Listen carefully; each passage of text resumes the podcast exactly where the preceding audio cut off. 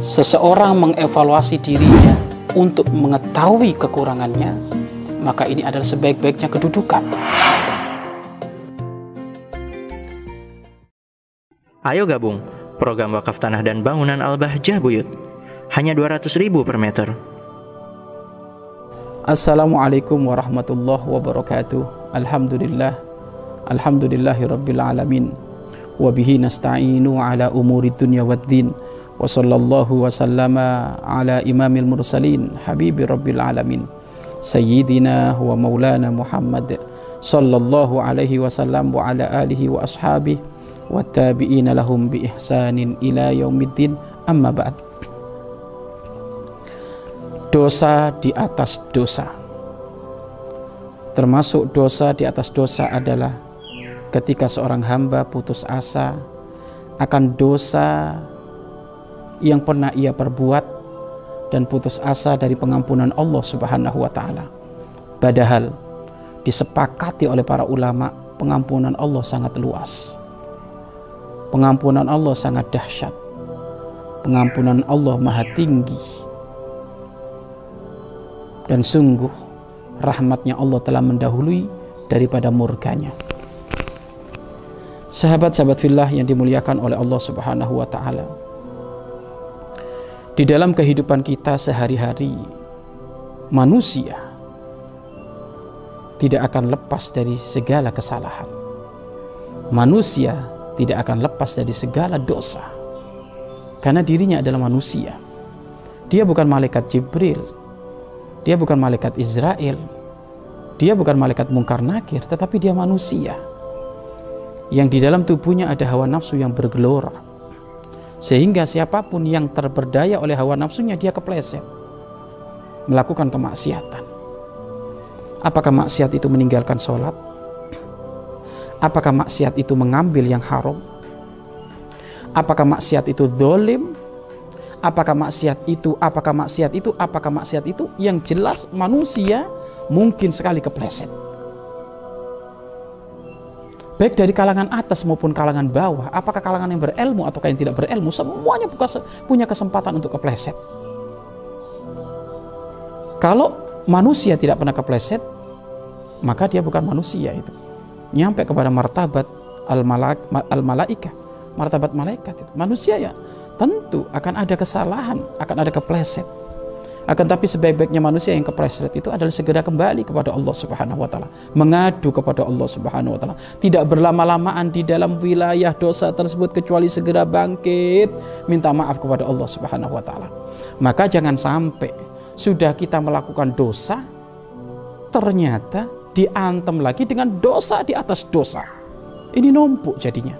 Sudah dosa satu belum kelar, ngelakuin dosa lagi. Ngelakuin dosa lagi, dosa lagi Bahkan disepakati oleh para ulama ada dosa lebih berat daripada kelakuan dosa yaitu putus asa.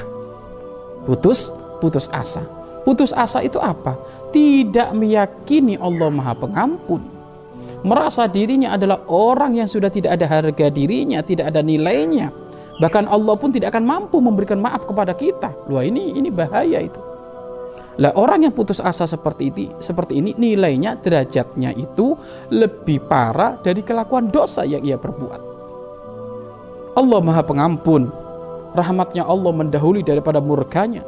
Segede apa pun dosa yang pernah kamu lakukan selama engkau minta maaf kepada Allah akan diampuni oleh Allah.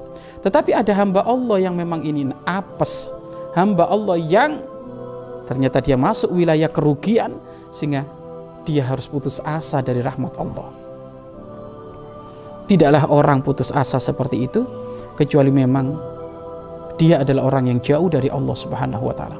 Bagaimana dia tidak bisa memahami rahmat Allah yang begitu luas, rahmat Allah yang begitu banyak.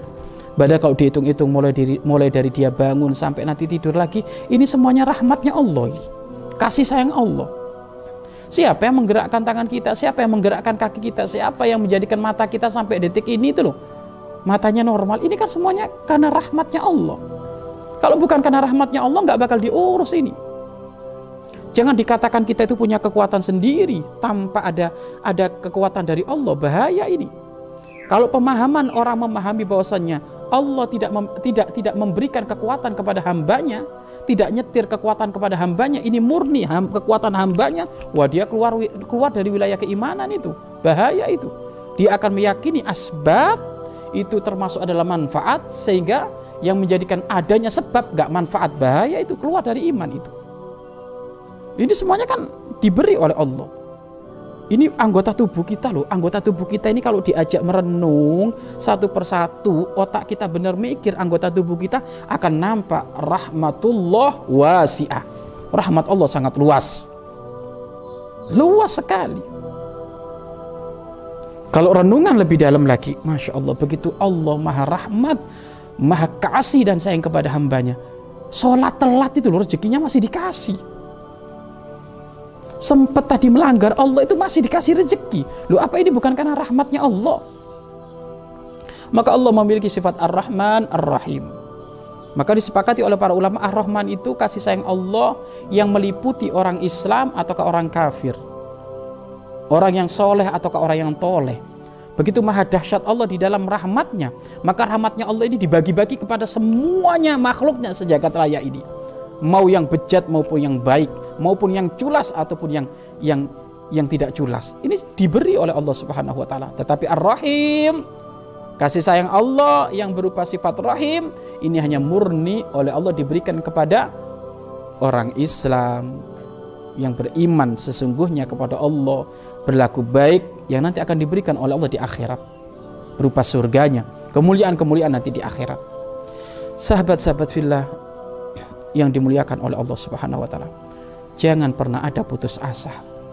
Putus asa itu menunjukkan kehancuran dirimu di dunia sebelum kehancuran nanti di akhirat. Orang putus asa itu hakikatnya orang yang kurang ajar kepada Allah Subhanahu wa taala. Orang putus asa jelas sebabnya dia jauh dari Allah. Kemudian pemahamannya tentang ilmu syariat, ilmu baginda Nabi Muhammad sangat tipis.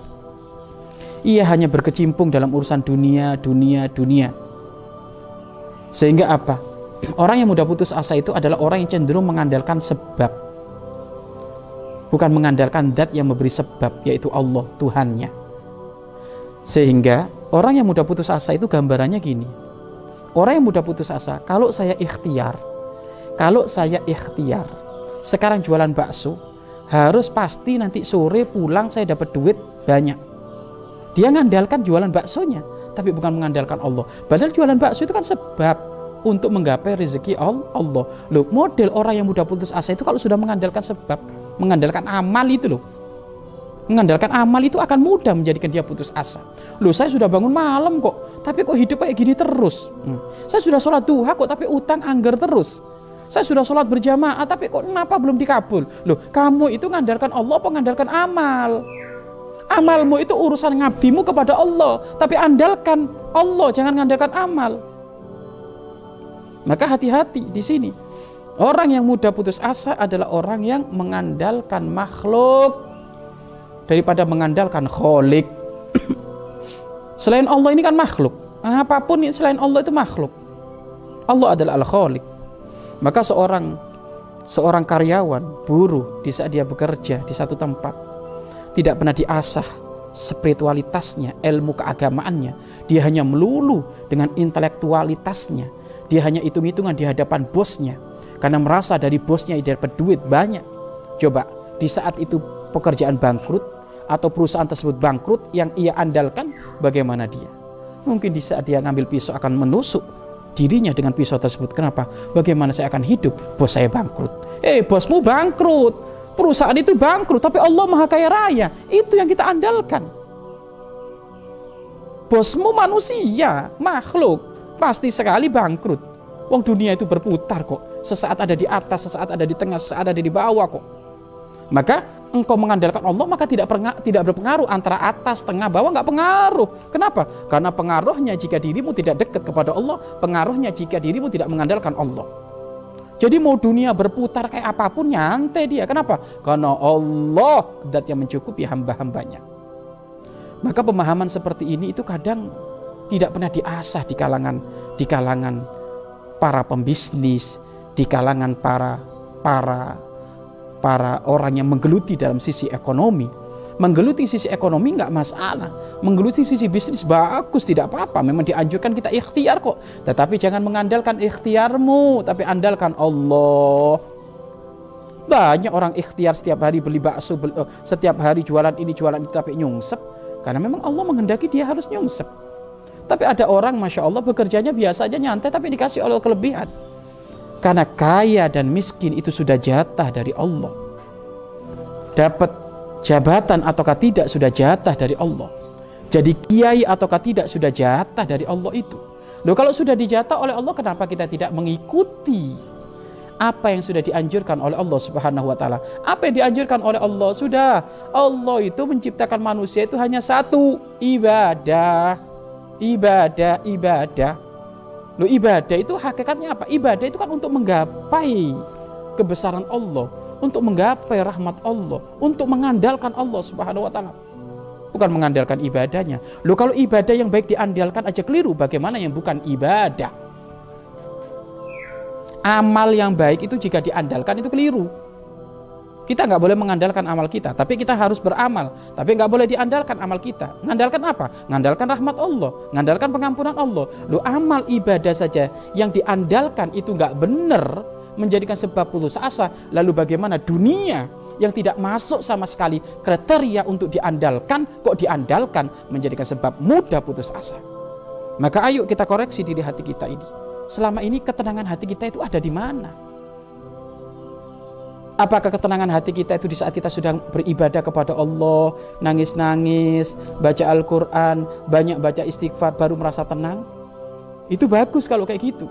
Itu tanda orang mengandalkan Allah. Atau ketenangan kita itu kalau Masya Allah ATM-nya penuh, nolnya berapa ini? Oh 12. Oh ini, baru tenang. Berarti kamu mengandalkan duit dong. Kamu tengok kalendermu. Oh tanggal 1 tendernya sekian, tanggal 2 tendernya sekian, tanggal 4 sekian. Nah itu menjadikan kamu tenang. Loh kalau kayak gitu berarti kamu pecinta tang tetangga itu. Atau pecinta tanggalan itu. Kenapa? Karena di balik tanggalanmu itu ada hitung-hitungan omset yang bakal kamu dapat. Jadi ketenangan dirimu itu ada di, di mana? Kalau ketenangan dirimu selain Allah, maka engkau akan masuk wilayah mudah putus asa. Tapi kalau ketenanganmu hanya murni adalah Allah, apa pun yang urusannya dengan Allah menjadikan kamu kamu tenang, maka engkau jauh dari sifat putus asa. Putus asa ini termasuk adalah puncak jeleknya akhlak. Adnal khuluk, paling rendahnya akhlak itu putus asa paling tingginya akhlak itu adalah adil husnudon kepada Allah Subhanahu wa taala, baik prasangka kepada Allah itu itu paling bagusnya akhlak. Pemirsa yang dimuliakan oleh Allah Subhanahu wa taala, ayo keterangan hati kita ada di mana? Yang kita andalkan siapa? Kalau engkau tidak bisa mengandalkan Allah, berarti mata hatimu buta. Kok bisa Allahnya nggak kelihatan itu loh? Kebesaran Allah kok nggak kelihatan itu loh? Bahaya ini. Yang kemarin memberikan sembuh itu siapa? Allah. Jangan kau mengatakan, oh itu karena ke rumah sakit, dokter ngasih obat. Lu yang ngasih hidayah oleh dokter ngasih obat ke inti itu siapa? Allah. Semuanya murni kepada Allah Subhanahu wa taala. Maka ayo jangan sampai kita masuk kepada wilayah putus asa, sudah melanggar Allah, melanggar lagi putus asa, dosa di atas dosa. Maka tempatnya neraka. Naudzubillah min dalik. Wahai para pemirsa di mana pun Anda berada, yang saat ini mungkin Anda terlilit dari segala permasalahan apa pun, ketahuilah Allah Maha Kaya Raya. Allah Maha banyak sekali solusinya, solusi apa pun, bahkan sifatnya Allah Al-Fattah, dat yang memberi segala solusi. Dat yang memberi segala solusi. Tinggal sekarang kita pernahkah minta solusi kepada Allah? Pernahkah kita minta kepada Allah ngadu agar segala urusan kita.